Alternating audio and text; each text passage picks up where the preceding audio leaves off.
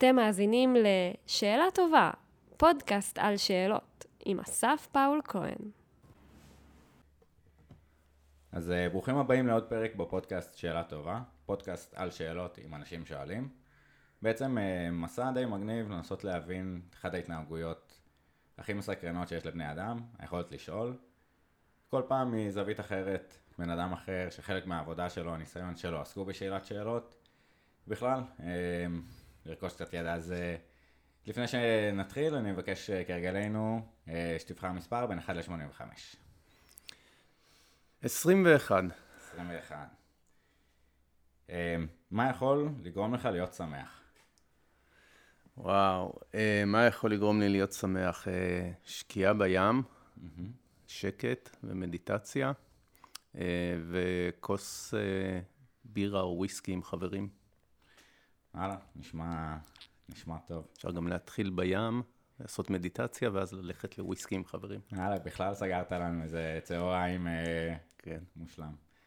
אני חושב שאצלי זה לפעמים לייצר איזושהי סיטואציה כזה חברתית, או עם חברים, או לפעמים גם בעבודה, והיכולת לקחת צעד אחורה ולהסתכל על מה שקרה, התרחש, או מדברים שאתה יצרת, או בכלל מהסיטואציה עצמה. זוכר כזה מאוד מהצופים פעם. עשינו כזה חלוץ אבטחה וכל מיני בונים מבנים וזה, וארבעה ימים וטירוף ולחץ של זמן ועניינים. ואז לקחת באמת את המרחק הזה אחורה ולהסתכל על התהליך ועל העשייה, מעיף את הסכך. יפה. יפה. אני אבחר 61. מאיזה ספורט אתה נהנה לשחק או לצפות בו? אז כאילו באמת לכל אחד יש איזה חיבור לספורט אולי. אה, לצפות בו, אני חושב שמה שמגניב זה התעמלות אה, מכשירים. באמת? שכאילו, כן. היה אפילו חלום אה, לנסוע לאולימפיאדה, כבר קנינו כרטיסים, קורונה, נראה איך, איך יסתדר, אבל באמת, בחוויה שאני חוזר מהלימודים, תואר מבחנים מועד ב', ואשתי לימים רואה את האולימפיאדה בטירוף, וכאילו הצלחתי להכניס אותה להפועל ירושלים, והיינו... רואים, אבל באמת לראות את הקסם הזה של דברים שאנחנו לא יכולים לעשות. כאילו, אני יודע לשחות, אני יכול לרוץ, אני יודע לשחק כדורסל, אבל לא טוב כמוהם. אני לא יודע לעשות פליקלקים באוויר כאלה מטורפים, אז uh, זה היה נראה לי הבחירה. לא, אצלי זה יותר פשוט, כדורגל. כדורגל? כן. קבוצה אהובה? Uh, אני לא אוהד ספציפי של אף קבוצה, אבל אני נהנה לבהות בזה. אז, אז uh, אז באמת אה, במסע שלנו היום אה, אני אציג אותך ככה ונצלול. אה, יואב רוזנברג, מנכ"ל של מנט.איו, תואר ראשון בפיזיקה ומתמטיקה בהצטיינות, תואר שני בהיסטוריה והפילוסופיה של מדעים והטכנולוגיה, תואר שלישי באוניברסיטת קיימברידג', חוקר את אותו נושא, מעניין אולי נגיע למה היה... טרם הסתיים, בדיוק. חשוב להגיד. יאללה. דוקטורט. never ending story. מה השאלה ששואלים שמה? חוץ מזה, אה, לפני אה, מנט שעוד נגיע לזה, אה, תפקידים מרתקים כאיש מודיעין, כולל פיקוד על תוכנית תלפיות, מפקד זירת איראן באמ"ן, סגן מפקד חטיבת המחקר, טירוף. אחרי זה אמרנו אפיסטמה, כלי לחקר האמת באינטרנט, ננסה להבין מה זה אומר, איך נותנים משקל דיפרנציאלי לתשובות, והכי חשוב, סבא טרי, אז מזל טוב. הברית ממש היום, אז אני עוד לא יודע להגיד לך אפילו את השם של הנכד שלי, אבל אה, איך שנגמור פה. אדיר, תעדכן, נשים בלינקים, מה שנקרא, אז נשים הפניות למה שיסקרן אתכם. אה, אז, אז נתחיל פתוח, זאת אומרת, זה מסע של אה, לנסות להבין התנהגות אנושית ייחודית, אמרנו, שמייצרת המון המון ערך בכל מיני זירות, אם זה בכיתה והשאלות שהמורה שואל, או באקדמיה, להרחיב את הידע האנושי. אה, ננסה להבין מההתנסות שלך, אולי גם אה, אה, כאיש מודיעין, מה השאלות שמעצבות ומה הופך שאלה לשאלה טובה. התהליך שעשיתם באמת תובנות, הרעיון שצמח משם על מנט.איו, אז איפה, איפה בעצם אתה פוגש שאלות בעבודה שלך? מהעבודה אני פוגש את השאלות במקומות שהם לא ברורים, במקומות שצריך לפתור אותם. ובמקומות שאתה צריך לנסות לגבש לך דרך בין הרבה אפשרויות. כי באמת, באמת, אה, כשאתה עובד במקום עצמאי, יש לך המון חופש. ואתה יכול לבחור הרבה דרכים, ואתה לא רואה מעבר לאופק לאן הדרך הזאת מובילה. ולכן אה, אתה חייב לשאול את עצמך הרבה שאלות בהרבה רמות, מהרמה האסטרטגית של למה אני פה ומה אני רוצה להשיג מזה, ועד הרמה המאוד טקטית של יש אה, שלושה ארבעה מפתחים מה לתת להם לעשות, ולמה. Mm-hmm. ובעיניי תמיד תמיד שאלת המפתח היא למה. זו שאלה שאין לה סוף. וגם באמת אפשר לעשות עוד ועוד שלבים להגיע לקור, כן. דע את עצמך בסוף. Mm-hmm. אז אמרת שני, שתי נקודות נורא מעניינות על שאלות, ואולי נתעכב עליהן. אחד זה באמת על האזורים שאתה לא יודע, אולי שאלות כאיזשהו כלי שפנס שמאפשר לנו להעיר לך שאתה לא ידוע ולהבחין אה, אולי ב, בין לבין, ושתיים זה ריבוי האופציות. אמ, אז מעניין כאילו לשאול, התהליך של מנט.io אה, כיום, אה, בעצם פלטפורמה לניהול דיונים אה, בצורה יותר חכמה, אולי תסביר על הצד הזה, אבל אני חושב שאחד התובנות זה שידע נוצר ומופק ואיזשהו זרז לדיון הוא שאלה טובה. זה נורא מעניין אולי בהמשך להבין איזה סוג שאלות אה, יותר טובות לפלטפורמה, מה בעצם הפלטפורמה באה לעשות. כן. צריך ללכת קצת אחורה, mm-hmm. לשנים שהייתי באמת הסגן של ראש חטיבת המחקר, אה, איתי ברון, שמאוד אהבתי אותו. אה, ויש לך שם, ביסודו של דבר, קרוב לאלף איש שצריכים לחשוב ביחד על שאלות קשות ומסובכות. והתחושה הייתה שגם בעולם של ביג דאטה, שיש לך המון דאטה, אין לך כלי לנהל את המחקר בצורה טובה. אני אוהב לצטט אה, אמירה של אביב כוכבי, הרמטכ"ל עכשיו כשהיה ראש אמ"ן, שיום אחד אה, אמר לנו באיזשהו דיון, לי ולרח"ט מחקר, הוא אמר לנו, תראו, מהפכת המידע למעשה דילגה לגמרי על חטיבת המחקר, למרות שהיא שינתה לחלוטין את אגף המודיעין מבחינת האיסוף שלו. זאת אומרת, יש לנו המון דאטה, יש לנו לוויינים בחלל, יש לנו סייבר, יש לנו המון דברים שהם כולם פירות של מהפכת המידע. אבל כשאתה חושב על איך אנחנו באים לראש הממשלה או לרמטכ"ל ומעדכנים אותו על נושאים חשובים מאיראן גרעין עד uh, פעילות טרור או דברים מדיניים, זה בדיוק כמו, לא יודע, מתי שהתחיל המודיעין המודרני, שנות ה-30 או 40, אנחנו כותבים ניירות, מדפיסים אותם ושולחים אותם בפרי טקסט, האלגוריתמים לא עושים כלום, חוץ מזה שאתה יכול לעשות backspace היום ואתה לא צריך למחוק עם טיפקס uh, כמו במכונת כתיבה של פעם. אה, שום דבר לא השתנה, ובאמת איך שפרשתי מהצבא, או קצת לפני זה אפילו, אמרתי, אוקיי, בואו ננסה לבנות תוכנה שתאפשר לאנשים לחשוב ביחד לעומק. אה, כמו שכולנו יודעים, היום הכלים שיש באינטרנט, הדבר האחרון שאפשר להגיד עליהם זה שהם מעודדים חשיבה לעומק. מפייסבוק וצ'אטים ועד אה, טיק טוק ואינסטגרם, זה לא בדיוק המקומות שאומרים לך בוא נחשוב ביחד לעומק.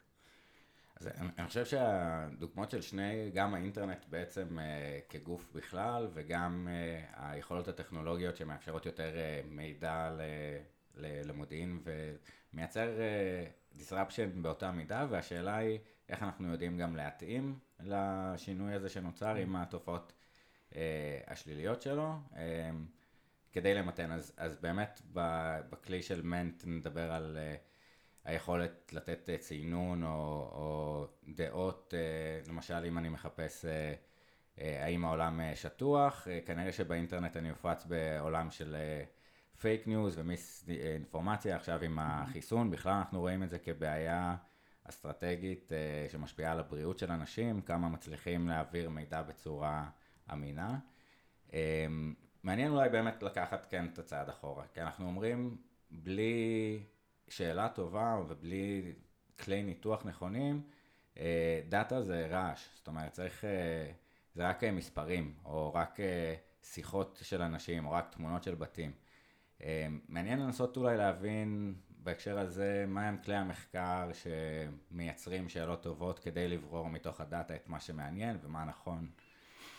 כן, אה, הקורונה היא באמת דוגמה מצוינת. פעם הייתי צריך לתת דוגמאות מעולם המודיעין ולא יכולתי. היום הקורונה היא דוגמה שכולם אה, מבינים, פשוט בגלל שיש אין סוף דאטה, כי לצערנו כל העולם חולה במחלה הזאת, אז יש לך הרבה מאוד, אה, מאות מיליונים של נקודות. ועדיין אנחנו רואים שאנשים לא מסכימים על ה... מהם המסקנות הנכונות, וגם לא תמיד מהם השאלות הנכונות. והאבסורד הוא שככל שיש לך יותר דאטה, ככה כל אחד יכול לחתוך אותו כרצונו, אם הוא לא עושה את התהליכים במחקר שיטתי. אפשר להגיד מדעי, אבל בעצם זה שיטתי ולוגי.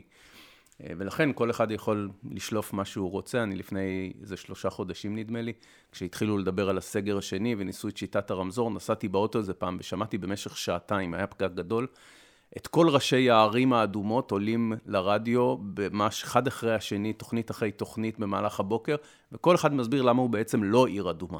אז אחד אומר, אם תסתכל רק על הארבעה ימים האחרונים ולא על החמישה, כמו שמשרד הבריאות עושה, אנחנו ירוקים לגמרי. והשני אומר, אם תוריד את האנשים המבוגרים שיושבים בבתי אבות אצלי בעיר, אז אני ירוק לגמרי. וזה באמת ככה עובד. ואז אתה מבין שללכת מלמטה למעלה, בוא נאסוף עוד דאטה ועוד דאטה, ובסוף אה, נקבל תשובות להכל, זה אשליה נוראית. והיא אשליה מאוד מאוד גדולה, באמת, גם בתקשורת, גם בהשקעות בהייטק, גם בהרבה מקומות, כי זה פנטזיה נורא נחמדה. רק אה, נמדוד את הכל, ואז אה, נדע את כל התשובות לכל דבר, ולא נצטרך לחשוב, לא נצטרך להתאמץ. אה, והאמת היא שתמיד צריך להתאמץ, והדאטה מקבל את משמעותו רק על בסיס איזושהי שאלת מחקר ואיזשהן היפותזות שבאות לענות על שאלת המחקר. רק אז הוא מקבל את המשמעות שלו. ובעצם רוב האנשים לא רגילים לזה, זאת אומרת, הם לא לומדים את זה ולא יודעים איך לנהל את התהליך הזה, ולכן כולנו היינו בדיונים במקומות עבודה, שבהם נכנס איזה מישהו לאיזה חדר גדול עם 20 אנשים ואומר משהו, ועכשיו מתחיל איזו קקופוניה שלמה של אה, כל אחד אומר מה שבא לו, מתי שבא לו, בלי להתייחס אחד לשני, ובלי באמת אה, להתעמק באיזשהו אופן. אה, והאינטרנט הוא סתם דוגמה מאוד גדולה של זה בעיניי. זאת אומרת, בנינו חדר מאוד מאוד גדול עם מיליארדי אנשים, שכל אחד בא ואומר משהו, והשאר עושים משהו אל מול זה או לא אל מול זה, או באופן בלתי תלוי. וקיבלנו קקופוניה ענקית, אה, שיש בה דברים מאוד נחמדים ומאוד ערכיים, אבל אני חושב שיש אה, התפתחות של השלב הבא, שאנחנו אוהבים לקרוא לה Conversation 2.0, אה, על איך אלגוריתמים כן יעזרו לבני אדם לחשוב יחד ולא יחליפו את הבני אדם.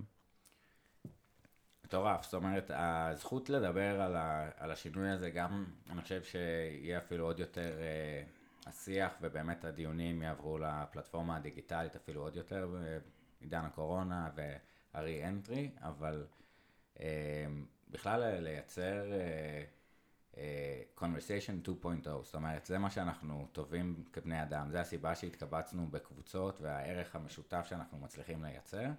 מצד שני, אנחנו נתקלים בתסכול בין עם threadים אינסופיים של מיילים שלא ברור מה הנקודה הסופית, ובאמת הרבה שיחות שהיו גם קורות אולי ב... water fountain בדרך במשרד גם נעלמות לנו, אז השאלה איך אנחנו לוקחים את ההתנהגות האנושית, אה, סופר משמעותית, המנוף לצמיחה אנושית, יצירתיות, שיתופי פעולה, ומעבירים אותו בצורה חכמה לצד הדיגיטלי.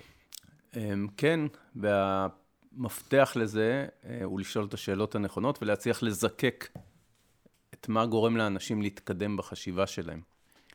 אה, וזה עניין היסטורי ופילוסופי עמוק, ולשים אותו בצד הטכנולוגי זה גם סוגיה מאוד לא פשוטה, זאת אומרת, אנחנו עושים את המאמץ שלנו במנט.io. אה, אני לא יודע אם אנחנו נהיה אלה שנפתור את הבעיה, אבל אני בטוח שמישהו יפתור אותה, כי זה ממש דחוף לפתור אותה. אז אני חושב שזה אתגר שניצב לפתחו של האנושות קצת, מה היחס שלנו ל-AI ומה תפקיד הבן אדם. אני חושב שיש פתגם נורא יפה של פיקאסו, של אה, What good are computers? They only give answers. אה, ובאמת יש משהו ב... היכולת אה, האנושית של לשאול שאלות שמכווין את כל המערכת, אה, שהוא מטורף. אבל אולי ניקח צעד אחורה. אני באמת... אחזיר לך ציטוט על יאללה. פיקאסו, על הציטוט היפה שלא הכרתי.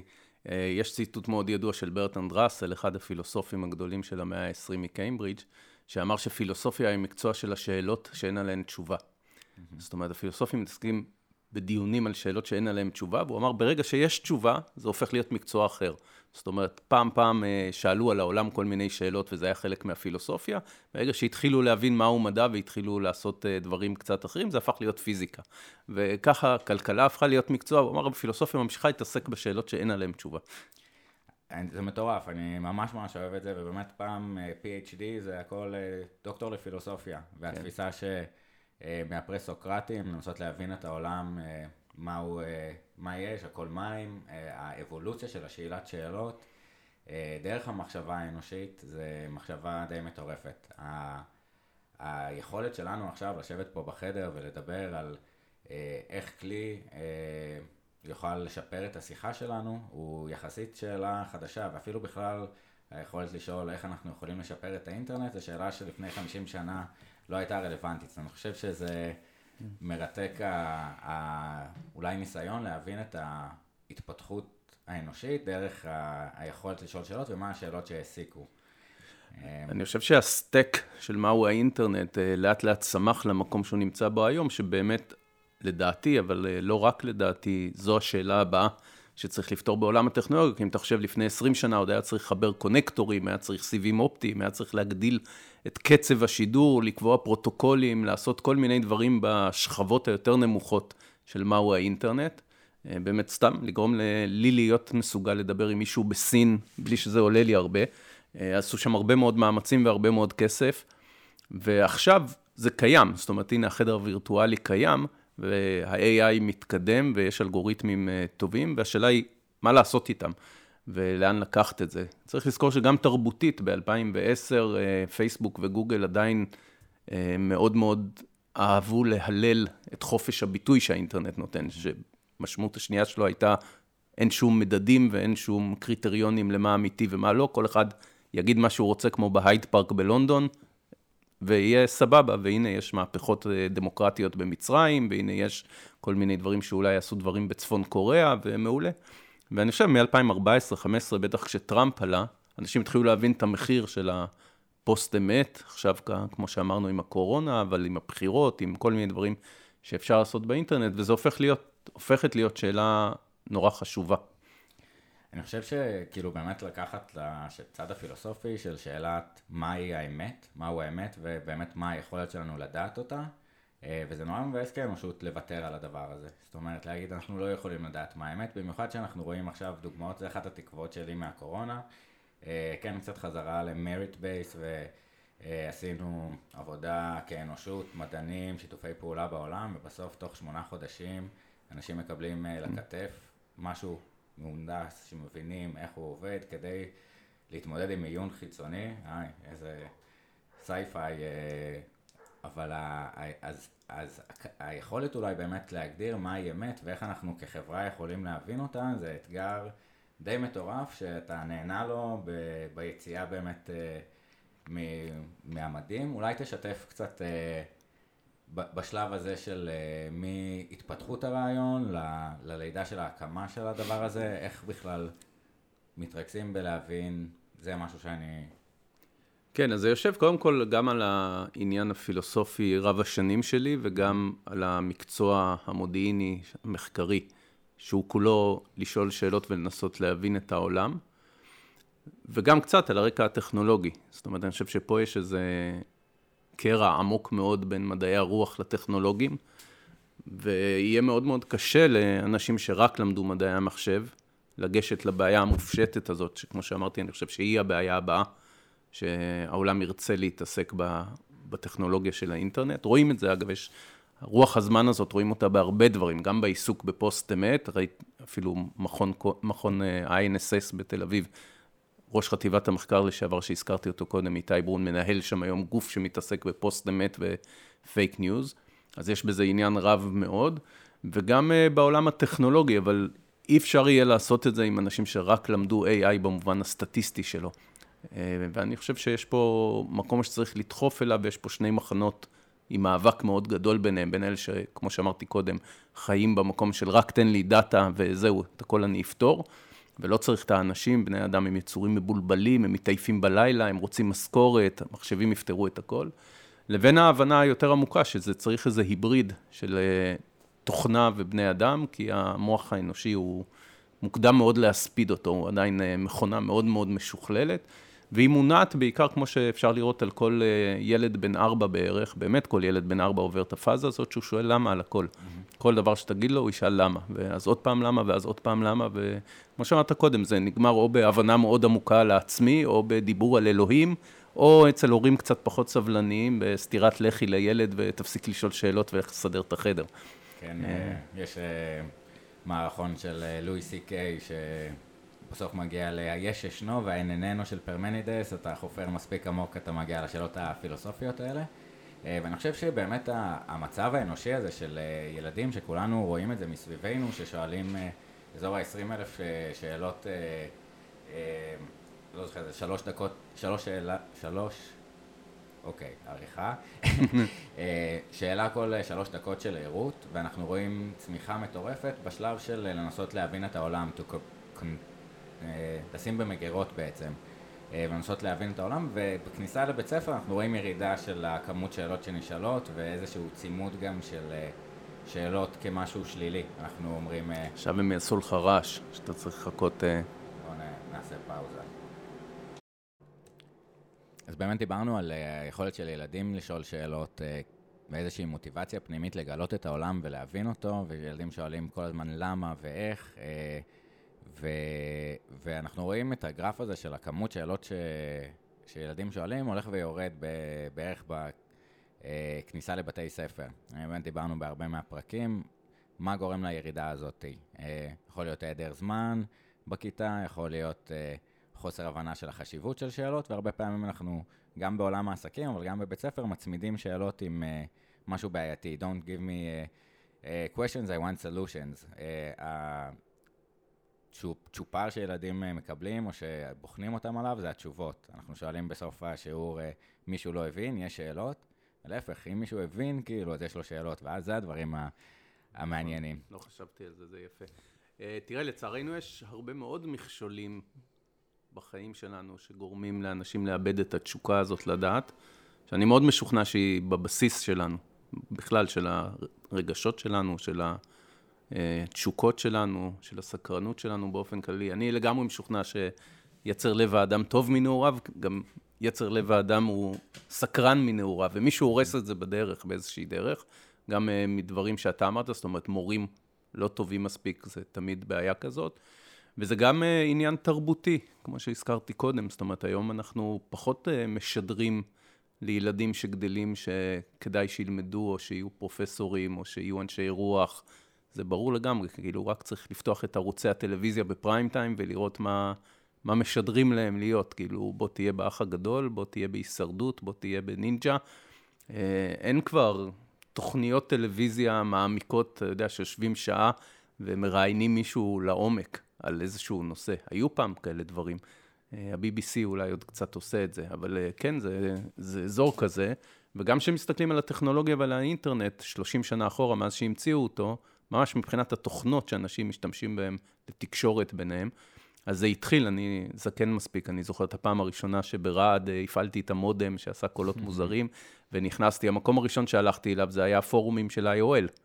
אה, ופורום הוא מקום קצת יותר נינוח, זאת אומרת, בדירוג של איך אה, אנשים מדברים אחד עם השני.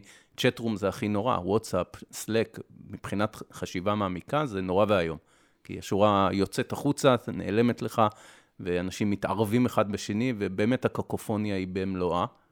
אה, פגישות פנים אל פנים זה גם סוג של קקופוניה, לפחות יש שם את החלק האמפתי של אנשים שיושבים מול אנשים, ויכולים, אה, כשאין קורונה, יכולים לטפוח אה, אחד לשני על השכם, או לחייך אחד אל השני בלי מסכות.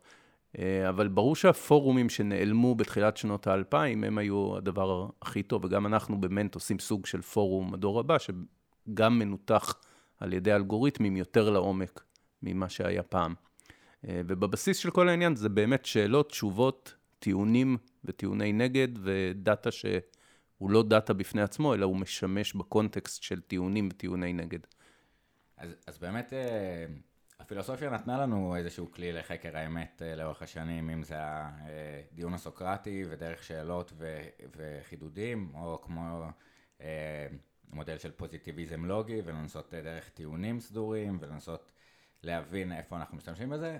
אה, דיברנו בפרק עם דוד אנוך על זה הרבה, אה, אבל זה קשה, אתה צריך ללמוד פילוסופיה, אתה צריך לדעת להצרין, אתה צריך לנסות לחשוב, אה, והיכולת באמת להשתמש בכלי הזה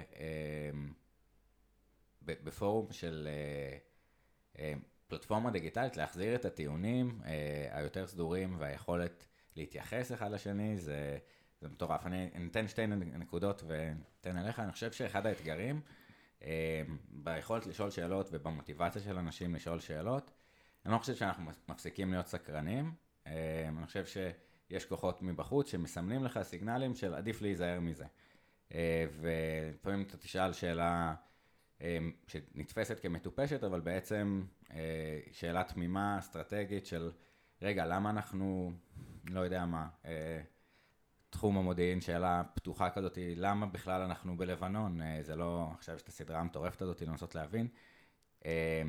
למה אנחנו רוצים את הקשר עם הפלנגות הנוצריות? איזה ערך אנחנו רוצים? מה, אתה לא פה בדיונים בשנה האחרונה? אנחנו מדברים על זה. רגע, שנייה, בואו ננסה להבין איזה שינוי זה יכול להיות. אז הקונספט הוא של ביטחון פסיכולוגי, שאנחנו מרגישים שישפטו אותנו על השאלות שאנחנו שואלים, אם זה שאלות מטופשות, שאלות שאולי היינו צריכים לדעת. אני לא אומר שכל השאלות נולדו שוות, אבל המקום להוציא אותן החוצה. ואני חושב שמה שמעניין גם במערכת הזאת זה היכולת לעשות את זה אסינכרונית ולסדר mm-hmm. את, ה, את הטיעונים והלוגים, כי באמת בפגישה אנחנו יכולים יותר לייצר את הביטחון הפסיכולוגי הזה, אמ, אבל אנחנו, היכולת בצורה דמוקרטית לתת לכל אחד לבוא לידי ביטוי, כאילו איזשהו diversity ו-inclusion של רעיונות, אמ, זה מטורף, יש אה, אמירה של, אה, אחרונה, אה, של רות ביידר גינסבורג, של נשים צריכות להיות בכל מקום שבו מתקבלות החלטות. ובעצם ההבנה שזה הודרו מהמקומות האלה. להצליח להכניס את כולם לחדר מקבלי ההחלטות, ויש גם אתוס כזה ב... במודיעין שכל אחד יכול לעלות ולדבר עם ראש חטיבת המחקר, אם יש לו איזו שאלה, או היכולת להעביר את זה הלאה, מטורף. תראה, שאלות זה דבר חתרני, זה עניין אה, ברור. גם הילד הזה שהזכרתי קודם, שמציק בשאלות של למה, למה, למה, עד שההורים אומרים לו, לך לחדר ותסגור את עצמך. וגם אנחנו יודעים מה היה הסוף של סוקרטס עם השאלות שלו. וזה די מדהים שדווקא מי שרק שואל שאלות, בתמימות לכאורה, אה, הוא החתרני ביותר, כי תזכור רגע שהשאלות תמיד אה, נחשבו מבחינה לוגית כמשניות לטענות. זאת אומרת, בסוף אנשים באים ונואמים את דעתם, ואחרי זה אולי אתה יכול לשאול, כמו שאמרת, שאלות להבהרה, מי שלא הבין. אבל uh, כשרגע כן uh, מתעסקים בזה, אז מבינים שלשאלות יש כוח עצום. Uh, עכשיו, מה שאמרת קודם על הצרנה ושצריך ללמוד את זה, אני חצי מסכים. זאת אומרת, אני חושב שיש פה משהו שהוא נורא common sense לכולם, כי כולנו היינו ילדים כאלה. Mm-hmm. ואם אתה חושב על איך נולדו המחשבים בשנות ה-30 וה-40 של המאה שעברה, אז הם כולם נולדו מלוגיקנים, זאת אומרת, שפות תכנות זה פשוט הצרנה של uh, סוגים של סטייטמנטים שאנחנו עושים, בצורה שהיא מאוד בהירה ולכן למחשב קל להבין, להבין אותה. אבל זה צמח באמת באמת מהאנשים האלה, כמו ראסל ואחרים, שבנו את הלוגיקה המוצרנת. זה שלא לומדים את זה היום במדעי המחשב, או כן לומדים קצת לוגיקה במדעי המחשב, אה, אבל לא לומדים מספיק פילוסופיה בעיניי, בטח אם החלום הוא לעשות artificial intelligence, אה, זו בעיה אחרת. אה, עוד כן. דבר אחד, אני רוצה להגיד, שאלה גם משהה. זאת אומרת, היא גורמת לך רגע להישאר בשלב המחשבתי, ויש הרבה אנשים שלא נוח להם עם זה, כי הם אנשי פעולה, הם רוצים להחליט, הם רוצים לעשות, הם רוצים uh, לקבל החלטות. ואני בחיים שלי לא נשארתי באקדמיה, ולכן כן הייתי איש מעשה, אבל uh, יש פה trade-off שצריך להחליט מתי מפסיקים להתפלסף ועושים. אני נגד להישאר כל הזמן בעולם של הפילוסופיה, ולכן את הלמה, למה, למה צריך לקטוע מתישהו כשאתה mm-hmm. בעולם העשייה. שאנחנו צריכים להוציא מוצר או להוציא את הפיצ'רים הבאים, אז כמנכ"ל אני גם צריך להחליט, ואי אפשר להישאר בחשיבה כל הזמן, אבל אני חושב שהרבה אנשים ממש נבהלים מזה. זאת אומרת, הם מזדרזים מאוד מאוד להגיע לפעולה, כי שם יותר נוח להם, והשהות באי-ודאות אה, יכולה להלחיץ מבחינה פסיכולוגית. כן, אני חושב שהיכולת שה... לשהות באי-ודאות, ובאמת שאלות זה איזשהו מרחב של אי-ודאות, שאנחנו באמת שוהים בו איזשהו mindset קוגניטיבי, אה, אז גם המעבר הזה הוא באמת לא קל, ויש סוגי אנשים שפחות נוח להם על זה, דיברנו בפרק אה, עם שמואל מרחב על זה, מי שמעניין אותו על המעבר באמת בין סוגי העולמות האלה.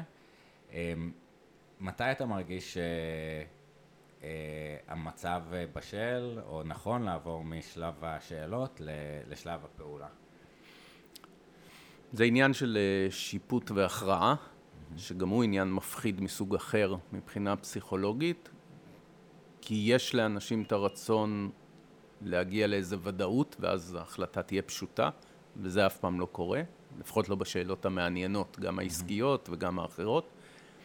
אה, וצריך להכריע, וזה עניין של אה, לקפוץ למים. זאת אומרת, זה באמת אה, רגע כזה לא מוגדר היטב, ושאף אחד לא יכול לעזור לך בו, חוץ מאשר ההבנה שלא להחליט זה גם החלטה. Mm-hmm. לכן אתה פשוט מחליט באיזשהו רגע. אין לי, זה באמת עניין כמעט אסתטי.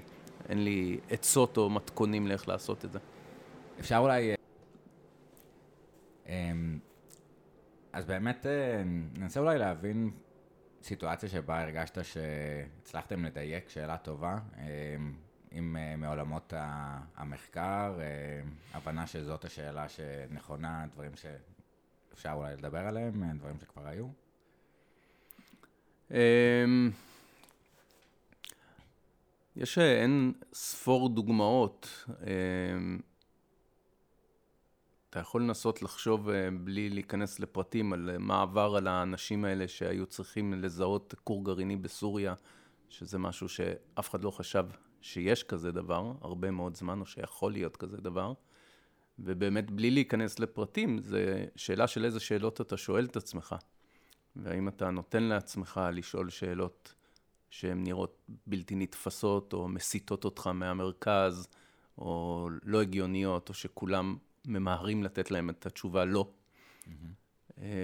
ואני חושב שיש במודיעין, בכל המקומות שבהם היו הפתעות גדולות, אה, תמיד כשהסתכלו לאחור גילו שזה קשור לרגע הזה שאתה יכול להשהות את עצמך בחשיבה, שאתה יכול לשאול את השאלה הנכונה, שאתה יכול לתת מספיק אה, היפותזות או אפשרויות מתחרות למה התשובה לשאלה הזאת, ושאתה לא קוטם או קוטע את התשובות במה הגיוני ומה לא הגיוני, ופוסל כמה תשובות שנראות לא הגיוניות מראש.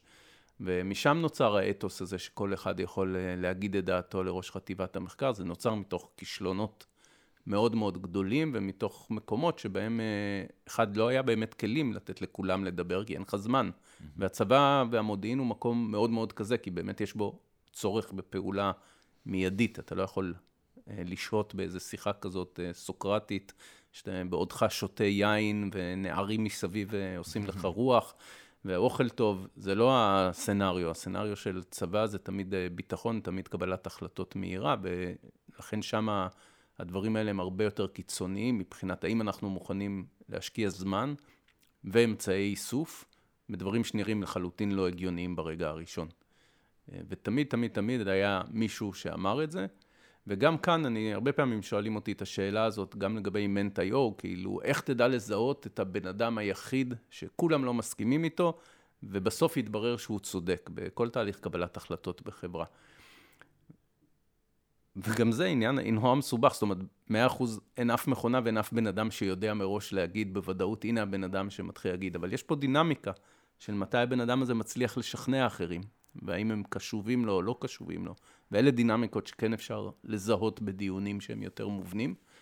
אה, אני תמיד אומר, זאת אומרת, נכון, היה בן אדם אחד שאמר שהולכת להיות מלחמה ביום כיפור ולא הקשיבו לו.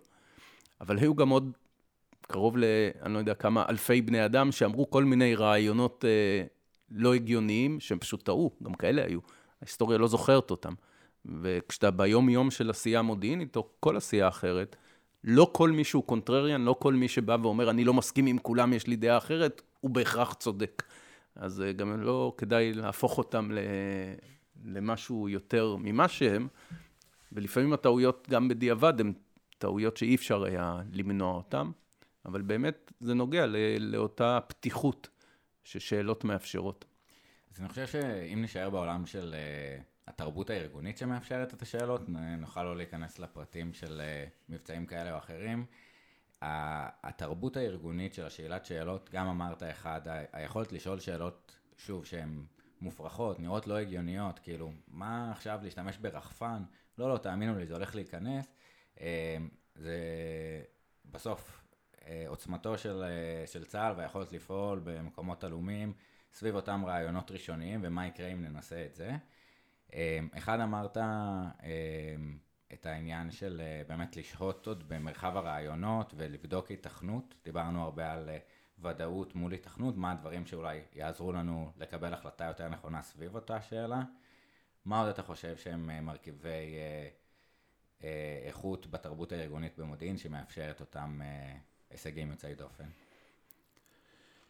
אני חושב שזה הרבה מאוד ביקורתיות, שבעיניי קשורה לתרבות שלנו. דיברנו הרבה על סוקרטס, אבל לא דיברנו על התלמוד, שגם הוא כולו שאלות, ואם תחשוב על זה רגע, זה מהמאה החמישית, אנשים מתעדים לא רק את ההחלטות, למעשה, שהיו מאוד חשובות לאנשים שהם שומרי הלכה, אלא מתעדים את כל הוויכוח שהוביל להחלטות, ותחשוב, אז אנשים העתיקו את זה בכתב יד או שיננו את זה בעל פה.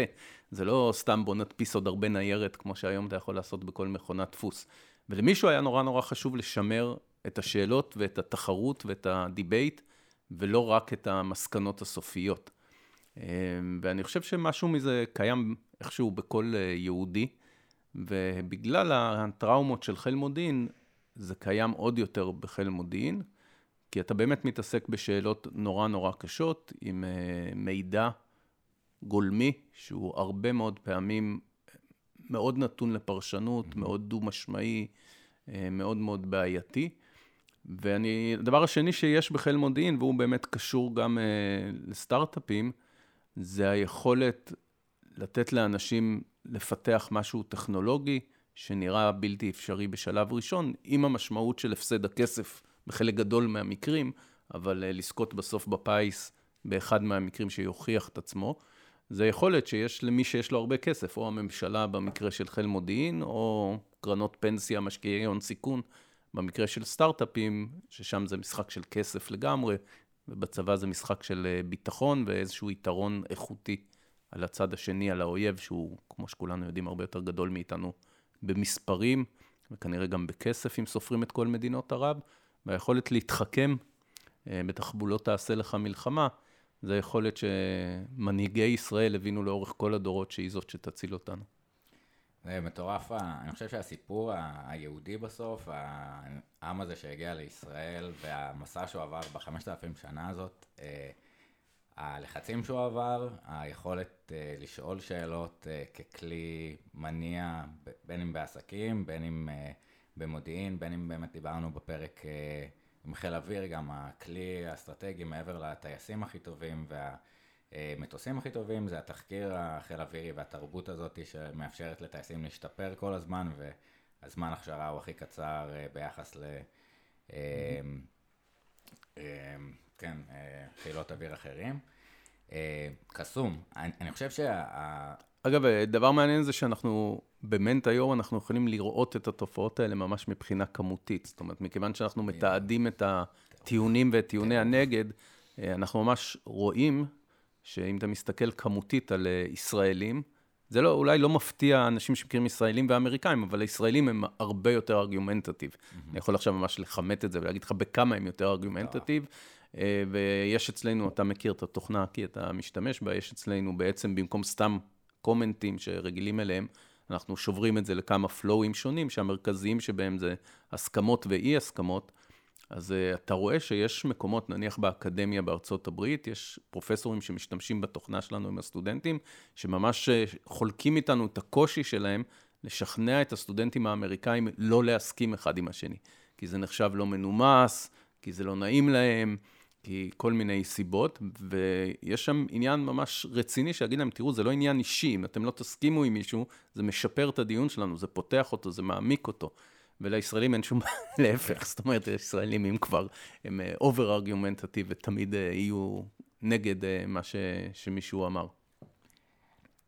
אני, אני חושב שבכלל היכולת, דיברנו בפרק עם גורן גורדון על היכולת לפרמל סקרנות ולבנות אלגוריתם סקרן, בכלל היכולת להשתמש בטכנולוגיה ובת, ודאטה, להבין מושגים, זה מטורף. היכולת שלכם להציץ עם דאטה על היכולת של שיחה אנושית, אה, זה פסיכי. מעניין לשמוע קצת איזה תופעות או הטיות פסיכולוגיות אתה מרגיש שהמערכת אה, יכולה... אומרת, אני חושב שאנחנו מכירים הרבה את group אה, think, או שיש איזושהי תמימות דעים בתוך הקבוצה, וזה תמיד עולה למעלה, או מאיזה רצון לרצות את, ה, את ה manager, יש אולי ויכוחים מובנים גם ברמת החברה שאפשר לראות בין נושאים שהם בין מחלקות שונות, אבל איזה, איזה תופעות בתוך דיון אנושי אתם מצליחים אה, לזהות בתוך המערכת. כן, אני חושב שהדגש פה זה באמת ההתעקשות שלנו לעקוב אחרי הדינמיקות של הדיון. זאת אומרת, אחרי ההשתנות שלו בזמן, ולא להסתכל על זה כאיזה סנפשוט סטטי של הנה שאלה, הנה התשובות, הנה ההחלטה. אה, הפלואו, כמו שהזכרנו כבר כמה פעמים, אצלנו הוא די דומה לפורומים האחרים שאתם כולם מכירים, והוא מתחיל משאלה, כמובן, תמיד בשאלה, לא ב statement, ואז עובר לתשובות חלופיות, ואז עובר ל debate, שהוא evidence-based במובן שאתה שם טענות למה אתה תומך בתשובה מסוימת, למה אתה מתנגד לה, ואיפה ה data שמוכיח, בין אם זה מאמר או ממש אה, גרף של data. אמ, והדבר הזה, כשאתה מסתכל עליו לאורך זמן, הוא באמת מאפשר לך לראות הרבה מאוד דינמיקות פסיכולוגיות וקוגניטיביות של האנשים שמשתתפים בדיון, מי באמת חשיבה קבוצתית, כי בדרך כלל בהקשר הארגוני, אה, האנשים בתוך התוכנה, לא אמרנו את זה, אבל זה תוכנה לדיונים סגורים בתוך ארגונים, זה לא mm-hmm. פתוח לקהל הרחב באינטרנט, אז האנשים מחולקים לסגמנטים לפי מחלקות או לפי אה, המקום שבו הם יושבים בארגון שהוא בינלאומי. ואז באמת אפשר לראות לאורך זמן דברים כמו חשיבה קבוצתית, במובן שאתה רואה שאנשי הסיילס תמיד תומכים אחד בשני, אבל מתנגדים למחלקה אחרת, או הבדלים בין הסניף ביפן לסניף בארצות הברית, אה, וכל הדברים האלה נותנים insights אה, ארגוניים שהם לפעמים מאוד מאוד מאוד מפתיעים, כולל למשל אה, לראות אנשים שבדיונים של זום לא משתתפים, לא, אנחנו לא רואים את זה כי אנחנו לא עושים monitoring על הזום, אבל אנחנו שומעים את זה מהמנהלים, ובעצם בעולם אסינכרוני, שיש בו גם אפשרות לאנונימיות וגם אפשרות לקחת את הזמן ולחשוב רגע, אז uh, אתה רואה אנשים משתתפים, אנחנו גם את זה, כל אחד שהיה בדיון מכיר, יש אנשים נורא קולניים, בדרך כלל עם קורלציה גבוהה לג'נדר, זאת אומרת, גברים אוהבים לקפוץ מיד ולהגיד את דעתם, ויש אנשים שלוקחים הרבה יותר זמן ורוצים דווקא להקשיב אחד לשני, ובמקרה שלנו לקרוא אחד לשני לפני שהם מגיבים, והרבה פעמים הם, ה... הם דווקא האנשים היותר uh, אינטליגנטים ולאו דווקא אלה שקופצים בראש. כן, זה היכולת לנקות את הרעש הזה גם של אקסטרוברטים לפעמים, של סתום, אתה לא יודע, אה, וגם באמת על בסיס אה, מגדר הרבה פעמים אנחנו רואים את זה. אני, יצא לי באחד התהליכים של ליווי מנהלים, עשינו סדנה סביב אה, ביטחון פסיכולוגי ושאלת שאלות, יצירת דיונים מהבנת השוק לבניית מוצר חליפי לארגון, ובאמת לציינן פיזית, לראות את הדינמיקות בשיח, מה... מכבה את הדיון ומה אה, מעלה אותו, אפרופו סוקרטיס דיברנו, אז פרויקט של גוגל, אה, פרויקט אה, אריסטו, חבר ותלמיד once removed, של מה, מה הופך צוות לצוות טוב, והיכולת באמת לדבר בביטחון פסיכולוגי במדדים של שוב נגיד הטיות של שימוש בטלפון, לחתוך מישהו, לבנות על רעיונות של מישהו, כל מיני מדדים שבאמת משפרים את זה, ואני חושב שזה קסום, היכולת, דיברנו בהרבה פרקים על ה-diversity ו-inclusion וכל מיני אה, הפרעות שעוצרות אותנו מלהביע את דעתנו, אז היכולת האסינכרונית הזאת, to pitch in מתי שאתה רוצה, ובסוף באמת הדעה יותר, אה, אותם אנשים שהם אה, אינטרוברטים, תמיד שהם כן מדברים אחרי הרבה זמן, רואים ממש פיזית את האנשים נוטים אליהם, את ה... מת, אה, כמה ש, ש, ש, של שפינוזה, כל דבר שהוא אה, מעולה הוא קשה כשם שהוא נדיר. יש משהו של עד שאני מקבל ממנו את התשובה הזאת, אז אולי מאפשר מערכת שהיא פחות עם הלחצים הסביבתיים ה-overwhelming, ובאמת stick to the point ו-data-based decision making. כן, אנחנו עומדים על כתפי ענקים פה, זאת אומרת, יש אין סוף מחקר פסיכולוגי, ארגוני, אה, על כל הכשלים האלה. זה לא אנחנו המצאנו את זה, אבל אנחנו איכשהו הצלחנו ליישם את זה באלגוריתמים שיודעים להגיד את זה, ולא בפסיכולוג ארגוני שיושב בדיון, ואחרי זה הולך למנהל הארגון ואומר לו, תראה, יש לך פה קרבות פנימיים, תשים לב בין אה, מחלקת sales למחלקת marketing. אה, אצלנו יש לזה monitoring שהוא כמעט כמותי, וכמו שאמרתי, הוא לא ב snapshot של רגע, אלא הוא מסתכל באמת על דינמיקות לאורך זמן, וזה החלק הכי מעניין. שהוא גם, יש לו שני ערכים מאוד מאוד גדולים, זאת אומרת, הוא גם חוסך זמן וגם מוביל להחלטות יותר טובות. אה, שני ספרים אולי להמליץ עליהם בהקשר הזה, זה ספר שנקרא Silo Effect, שמתאר אה, מחקרים על כמה ארגונים שהכישלון שלהם נבע מזה שהם היו סגורים ולא פתחו את הדיונים בצורה רחבה ולא קיבלו תרומות מכל שדרות הארגון. והשני זה ספר של פרופסור מוורטון שנקרא Superforecasting, שבאמת עשה איזה מין ניסוי מאוד גדול כזה, דווקא עם קהילת המודיעין האמריקאית, והסתכל על מהם התכונות של אנשים שמצליחים אה, לחזות קדימה דברים, ואיך החשיבה שלהם מתפתחת בתוך הארגון. אה, ואני חושב שמצאנו דרך מאוד מקורית להטמיע את כל הדברים האלה בתוך תוכנה שאם תיכנסו אליה באינטרנט היא נראית די דומה לפורומים רגילים, ולכן אנשים יכולים להשתמש בה די בטבעיות, ועדיין היא מביאה אנליטיקות מסוג שלא ראינו קודם בעולם האינטרנט. אני חושב שגם מה שמגניב, אה, היכולת לקחת באמת את העולם של אה, דיונים, שאנחנו יכולים לקבל אותו בעולם האקדמיה, בקורסים, אה, כמו שאנחנו עושים בבינתחומי עכשיו, או בהרווארד, או בכל הספירה הזאתי, דיונים מודיעיניים, דיונים ב... בעבודה ובעולם העסקי. מעניין לשאול אולי איזה שאלות אתה מרגיש ששווה לקחת מהצורה שמדברים בה כיום בארגון, דרך Slack, שהשאלות צפות בין uh, מתי הולכים לאכול ומי רוצה לאכול איפה, uh, לשאלות uh, למה ירדו המכירות באירופה בחצי שנה האחרונה. איך עושים, מה עם השאלות שיש יתרון מהותי למערכת שהיא נותנת לה. Slack, כמו שאמרת, ו Microsoft Teams, הן תוכנות מאוד טובות ל-real time communication, זאת אומרת, לדברים שאתה רוצה לשאול ולקבל תשובה, ויש להם תשובה ברורה. מה היו הרווחים שלנו בשנה שעברה? אתה כותב אה, בוואטסאפ או ב Slack ל-CFO שלך, והוא אומר לך את המספר, אם לא זכרת אותו. או איך קוראים ללקוח ההוא שפגשנו ביפן, אתה מדבר עם האיש סיילס שלך, והוא אומר לך, ושולח לך את האימייל הרלוונטי. אה, אין פה תהליך חשיבה, זה שאלות של אה, עובדות, ואת העובדות מישהו בארגון יודע, אתה לא זוכר כי אתה מנכ"ל זקן ודמנטי, אז מישהו יגיד לך, זה, סלק עושה שם עבודה מצוינת. אה, סלק עושה עבודה נוראית במה שדורש באמת פתרונות לשאלות למה אנחנו מפסידים פתאום לקוחות ברבעון האחרון במזרח הרחוק. זה מקום שאתה לא יודע מה התשובה, וגם לא ברור שיש מישהו אחד בארגון שיודע מה התשובה. אה, וכמו שדיברנו קודם, אני חושב שגם איזה שאלה לשאול, זה עניין לגמרי לא טריוויאלי, וזה תמיד אה, עניין מצחיק בדמואים שאנחנו עושים. הדמו הראשון שאני עושה, ואני עושה איזה ארבעה ביום בממוצע, אז תמיד אני מראה את הפלוא הזה, שאלה, תשובות אפשריות, אה, סיבות למה לתמוך או להתנגד, ואיזה דאטה תומך או לא תומך בדעתך.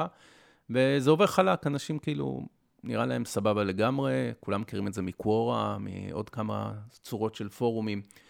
ודווקא אלה שמתחילים להשתמש, בערך אחרי שבועיים, שלושה, הם פתאום אה, חוזרים אלינו, לא יודע, לפעמים אפילו די מבוהלים, ופתאום אתה רואה שכשאתה פותח את השאלה ואתה רוצה לשאול שאלה, זה וואחד משימה קשה לשאול את השאלה הנכונה. Mm-hmm. אנשים אומרים, רגע, אז לנסח את זה פתוח או לנסח את זה סגור? לנסח שאלות של האם או לנסח שאלות של למה? ויש שם עבודה עצומה לעשות רק בלנסח את השאלה, ולכן אני לפחות מאוד מתעקש בוויכוחי ה product הפנימיים שלנו, שכן להתחיל את הדברים משאלות, למרות שזה קשה, כי ברגע ששמת את השאלה הנכונה, אז כל הדיון יהיה הרבה יותר קל, והעול מוטל על מי שמנהל את הדיון לבחור את השאלה הנכונה. ואם היינו סתם נותנים לאנשים להתבטא באיזה נושא, אוקיי, מה, אתה יודע, תגידו מה דעתכם על עניינים של uh, מכירות ברבעון הבא, וכל אחד יזרוק משהו מכיוון אחר, הדיון יתבלגן ולא נגיע לשום דבר.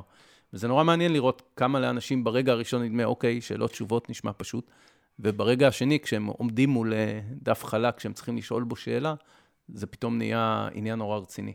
כן, אז אני, אתה יודע, מהחוויה גם של באמת השימוש במערכת, זה האתגר. כי אתה יודע שכל ההתנהלות אחר כך, כל ההתנהגות האנושית, אפרופו לחזור למה גורם לך להיות שמח, אה, לייצר איזו התנהלות אנושית, אז השאלה שאתה תשאל אה. באותו אה, מרצה בהרווארד, הסטודנטים ייכנסו ויענו והרשת נוירונים שלהם תפעל לאור השאלה הזאת. ויש מהלך מאתגר, מה, מה אתה עושה אל מול אותו board כזה ש, שפתוח מולך. מעניין לשאול, לאור הניסיון שלכם, האם יש סוג שאלות שמניב דיונים יותר טובים? מה מאפיין בעצם שאלה טובה בהקשר הזה? קודם כל, יש לנו KPI ששמנו אותו מראש אה, בכוונה, ואנחנו מאוד גאים בו, של הסשן, אורך הסשן הממוצע של משתמש אצלנו. אה, וכל מי שראה את הסרט המצוין בנטפליקס, The Social Dilemma, mm-hmm. אז הוא יודע שהמערכות כמו פייסבוק, אה, ואולי כמו Slack, תוכננו כדי שתפתח את פייסבוק כמה שיותר פעמים ביום, גם אם זה לארבע שניות. זאת אומרת, כל הנוטיפיקציות, כל הלייקים, כל הדברים האלה, נועדו כדי שתקפיץ את הטלפון מול העיניים 60-100 פעמים ביום לארבע שניות. יש היום גם את ה monitoring על זה באייפון, אתה יכול לראות שזה קורה. אנחנו מראש אמרנו, לא, אנחנו לא רוצים למדוד את עצמנו בהתמכרות הזאת של הכמה שניות, כי אנחנו רוצים לעודד חשיבה מעמיקה, אנחנו רוצים sessions ארוכים, שאנשים, כמו שאמרת, ישבו ויקראו ויחשבו ויקחו את הזמן. ואנחנו באמת רואים sessions ממוצעים מאוד מאוד ארוכים, של 20 דקות בממוצע. זאת אומרת, אנשים באים, באמת קוראים אחד לשני, מגיבים אחד לשני וחושבים על מה שהם עושים אצלנו בפלטפורמה, אה, וזה שינוי התנהגותי, ממש חשוב בעיניי, אבל לא טריוויאלי בכלל. ובהקשר הזה, השאלות, שאלות הטובות הן לא שאלות עובדתיות ולא שאלות סגורות מדי. אה, בדרך כלל גם עדיף שהתשובות האלטרנטיביות לא יהיו כן ולא, mm-hmm. אלא שיהיה משהו שהוא יותר פותח את הדיון מאשר סוגר אותו. אחרי זה אפשר גם לעשות דיון שהוא סגור. זאת אומרת, להצביע בין שתי אפשרויות אחרי שהבנו את כל הרציונל של למה בחרנו את שתי התשובות האלה, אבל זה החלק הקל יותר. אה, וגם כאן אתה מגלה את הדבר הסביר, ששאלות הלמה עושות עבודה מאוד מאוד טובה. למה אנחנו מאבדים לקוחות, למה אנחנו רוצים לתעדף ברבעון הבא דווקא צד ה mobile ולא צדדים אחרים של החברה. אה, כל השאלות האלה הן שאלות שנותנות הרבה מאוד עוצמה. וכמו שאני אומר, אפשר אחרי זה גם להגיע לשאלה הבאה, שהיא שאלה מאוד מאוד פרקטית, שסתם אתה רוצה לעשות עליה quiz, גם את זה אפשר אצלנו בפלטפורמה לעשות, איזה questionnaire פשוט, שאלון, שהנה ארבע אפשרויות, כל אנשי ה sales וה marketing וה R&D, תצביעו מה נראה לכם האופציה היותר נכונה. אה, יש לזה גם ערך, זה מאוד מהיר, אה, ועוזר גם בהקשרים מסוימים לקבל החלטות.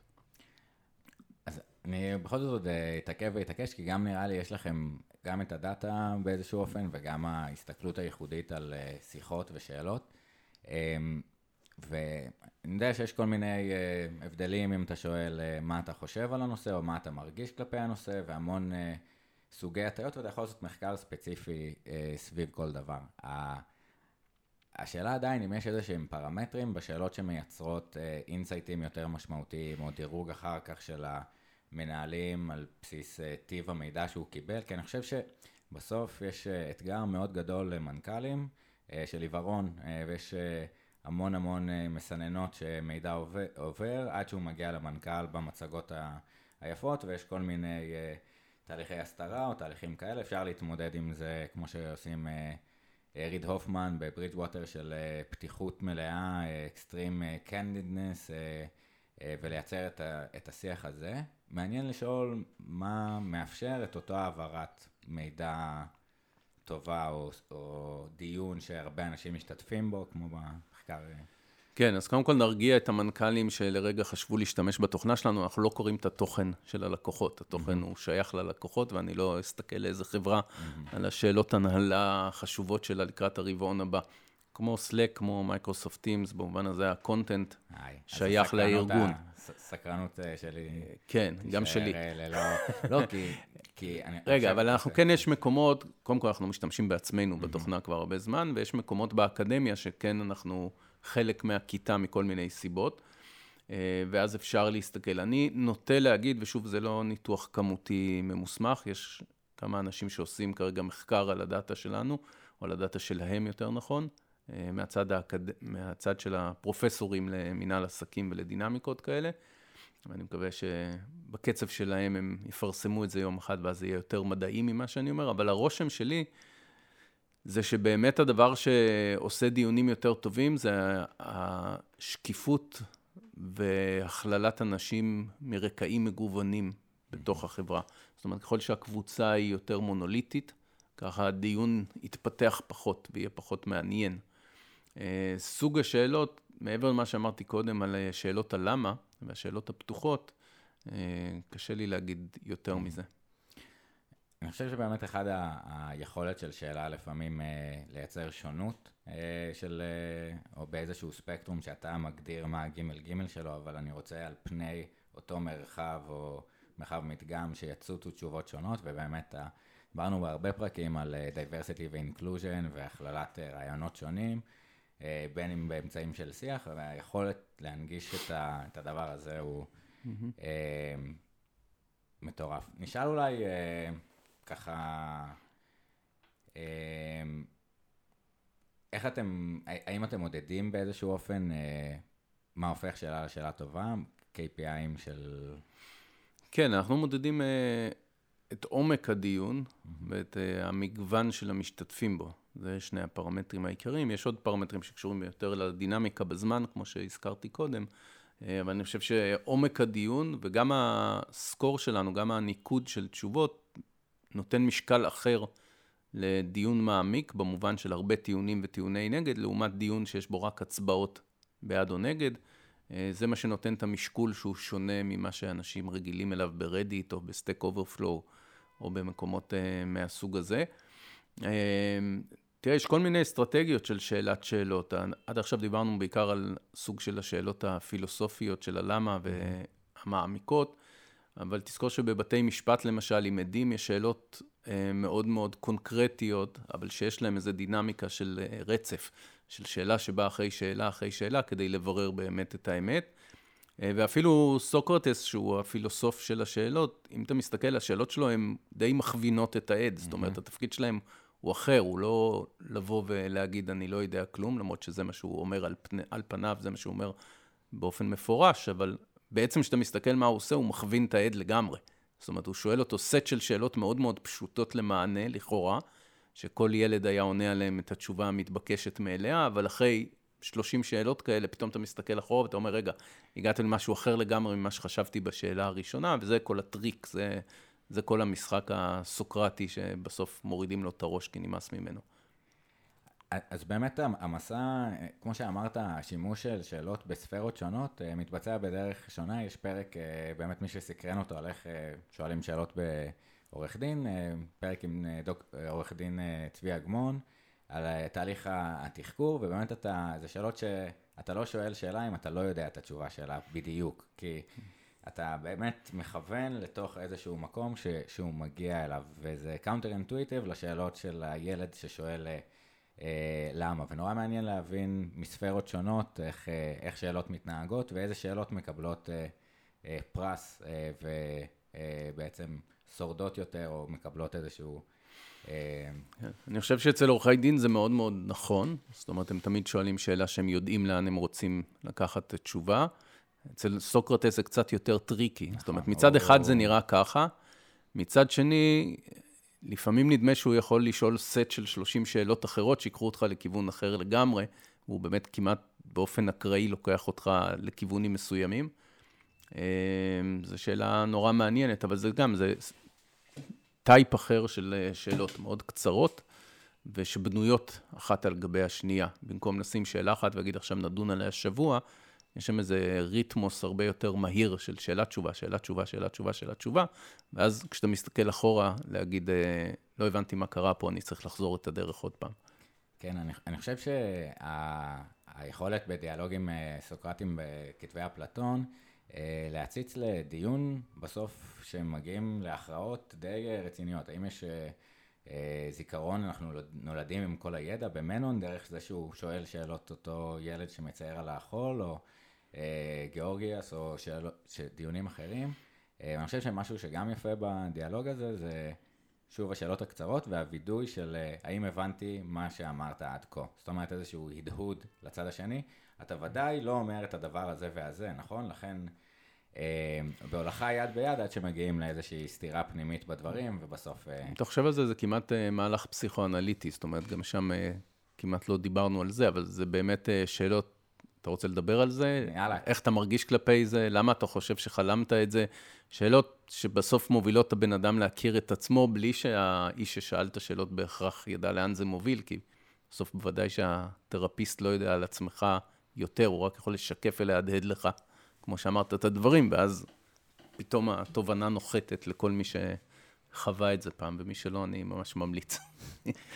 אה, כן, זה באמת גם המקום של שאלות... ללא תשובות באיזשהו מקום, אה, ולא ללא היומרה הזאת. אני אה, מאוד מסקרן איזה סוג שאלות מקבלות את החיות שלהם באותו חדר, ומה, איזה שאלות יכולות להתאפשר שם. אפשר אה, לצטט את סוקרטס, לא? בשביל יאללה. לעשות קצת גאולה לעולם. הסתכלתי אתמול פשוט לפני הפגישה שלנו במשתה ובאמת, אתה מסתכל על המבנה שלו, זה מתחיל ב-20 פרקים של נאומים, אני אקרא מהתרגום של צ'רניחובסקי, 20 פרקים של כל מיני נואמים שמספרים את דעתם על ארוס ועל כל מיני דברים אחרים. ואחרי 20 פרקים מגיעים לסוקרטס ואומרים לו, אולי גם אתה תנאם לנו את הנאום שלך. זאת אומרת, כולם שם פשוט סטייטמנטים על סטייטמנטים, על מה הם בטוחים שיקרה. אה, וסוקרטס אה, בסוף אומר להם, שלא מדעת הבטחתי לכם לכשיבוא תורי לנאום נאום תהילה גם אני. אולם את האמת, אם רוצים אתם בה, אני מוכן להגיד לפי דרכי שלי, לא כנאומיכם שלכם, כדי שלא יהיה לצחוק. ואז הוא אומר להם, הרשני תחילה לפנות אל אגתון בשאלות אחדות, בשביל שנבוא שנינו לידי הסכם ויוסיף לדבר. ואז נהיה פרק שהוא באמת ספרתי בו מעל 20 סימני שאלה, שהוא כולו פינג פונג כזה של שאלות ותשובות קצרות, שאלות ותשובות קצרות, שמובילות את העד לכיוון הרצוי, וזה באמת הנגדה מאוד מאוד יפה בין נאומים מאוד מאוד ארוכים, לבין בן אדם שלוקח איזמל מנתחים של שאלות ועושה איתו עבודה מאוד עדינה של אה, מנתח מוח. אני חושב שגם התובנה היפה פה זה שסוקרטס קצת מצעיד אותך איתו במסע השאלות הזה, וכל הזמן מוודא ש... שאנחנו על אותו לבל. והרבה פעמים אנחנו מקבלים שני דיונים שהם talking past each other, זאת אומרת, אה, במיוחד דיונים פוליטיים, אתה אוקיי, כבר באיזה דעה עליו, נסגר לגמרי, ויכול להיות שלא הבנת בכלל את כיוון המחשבה שלו, אז אני חושב שזה גם איזשהו צ'ופר אה, ל... להבין ש... שצריך לעשות את העצירות האלה אה, א', להתחיל מהם אולי, זאת אומרת, זה מצב העניינים בעולם, מישהו חושב משהו אחרת, להסכים על הנקודת התחלה, אה, ואז את הצעד צעד הזה. אה, נכון, דיברנו הרבה על התוכנה שלנו ועל הטיעונים וה counter טיעונים והכפתור שאומר אני מסכים או לא מסכים איתך ולמה, ולא דיברנו על כפתור שהוא לא פחות חשוב בעיניי, שהוא אומר clarify, כאילו בוא תבהיר לי למה אתה מתכוון. וגם זה זה מקום שהוא יותר נינוח, זאת אומרת, במקום לצאת מיד להתקפה, ואתה צודק, זה בעיקר קורה במקומות פוליטיים, אבל גם במקומות, במקומות העבודה, כשיש משהו שאתה מאוד מאמין בו, אה, היכולת להגיד, רגע, לא הבנתי אותך, בוא תסביר לי את זה קצת יותר בהרחבה, או תבהיר לי למה אתה מתכוון כשאתה אומר אה, לקוח מוצלח. בוא נדבר רגע על ההגדרות, ואז נראה אם אנחנו באמת לא מסכימים ולמה, והרבה פעמים כזה דבר מבהיר לך ששני הצדדים, יש... אה, אה, גם אצל לואי סי קיי, אבל בטרגדיה שלו שהוא הוציא, Horace and Pete, יש שם קטע כזה נורא נורא יפה על דיון פוליטי ששני אנשים צועקים אחד על השני, ואז איזה מישהו עושה להם מודרציה, ובעצם הם רואים ששניהם רוצים בטובת אה, האומה האמריקאית, אבל מסיבות קצת שונות, אבל לא מאוד שונות. אני חושב כאילו זה גם נורא תמים, אבל אני חוזר למה שדיברנו בהתחלה, אני חושב שכן, יצר האדם טוב מנעוריו, והרבה... זה באמת מחוסר התקשורת והמחסומים וה, שאנחנו לא מבינים אחד את השני עד הסוף, ויש לי איזו תקווה באמת של דרך כלים שמאפשרים אה, שיחה בלתי אמצעית או הבהרה של על מה אנחנו בכלל מדברים, אה, נוכל למקסם את הערך ההדדי הזה, והרבה פעמים זה נופל על או הטיות קוגניטיביות או על חוסר של framework של, של הדיון עצמו. אה, זה קצת אופטימי.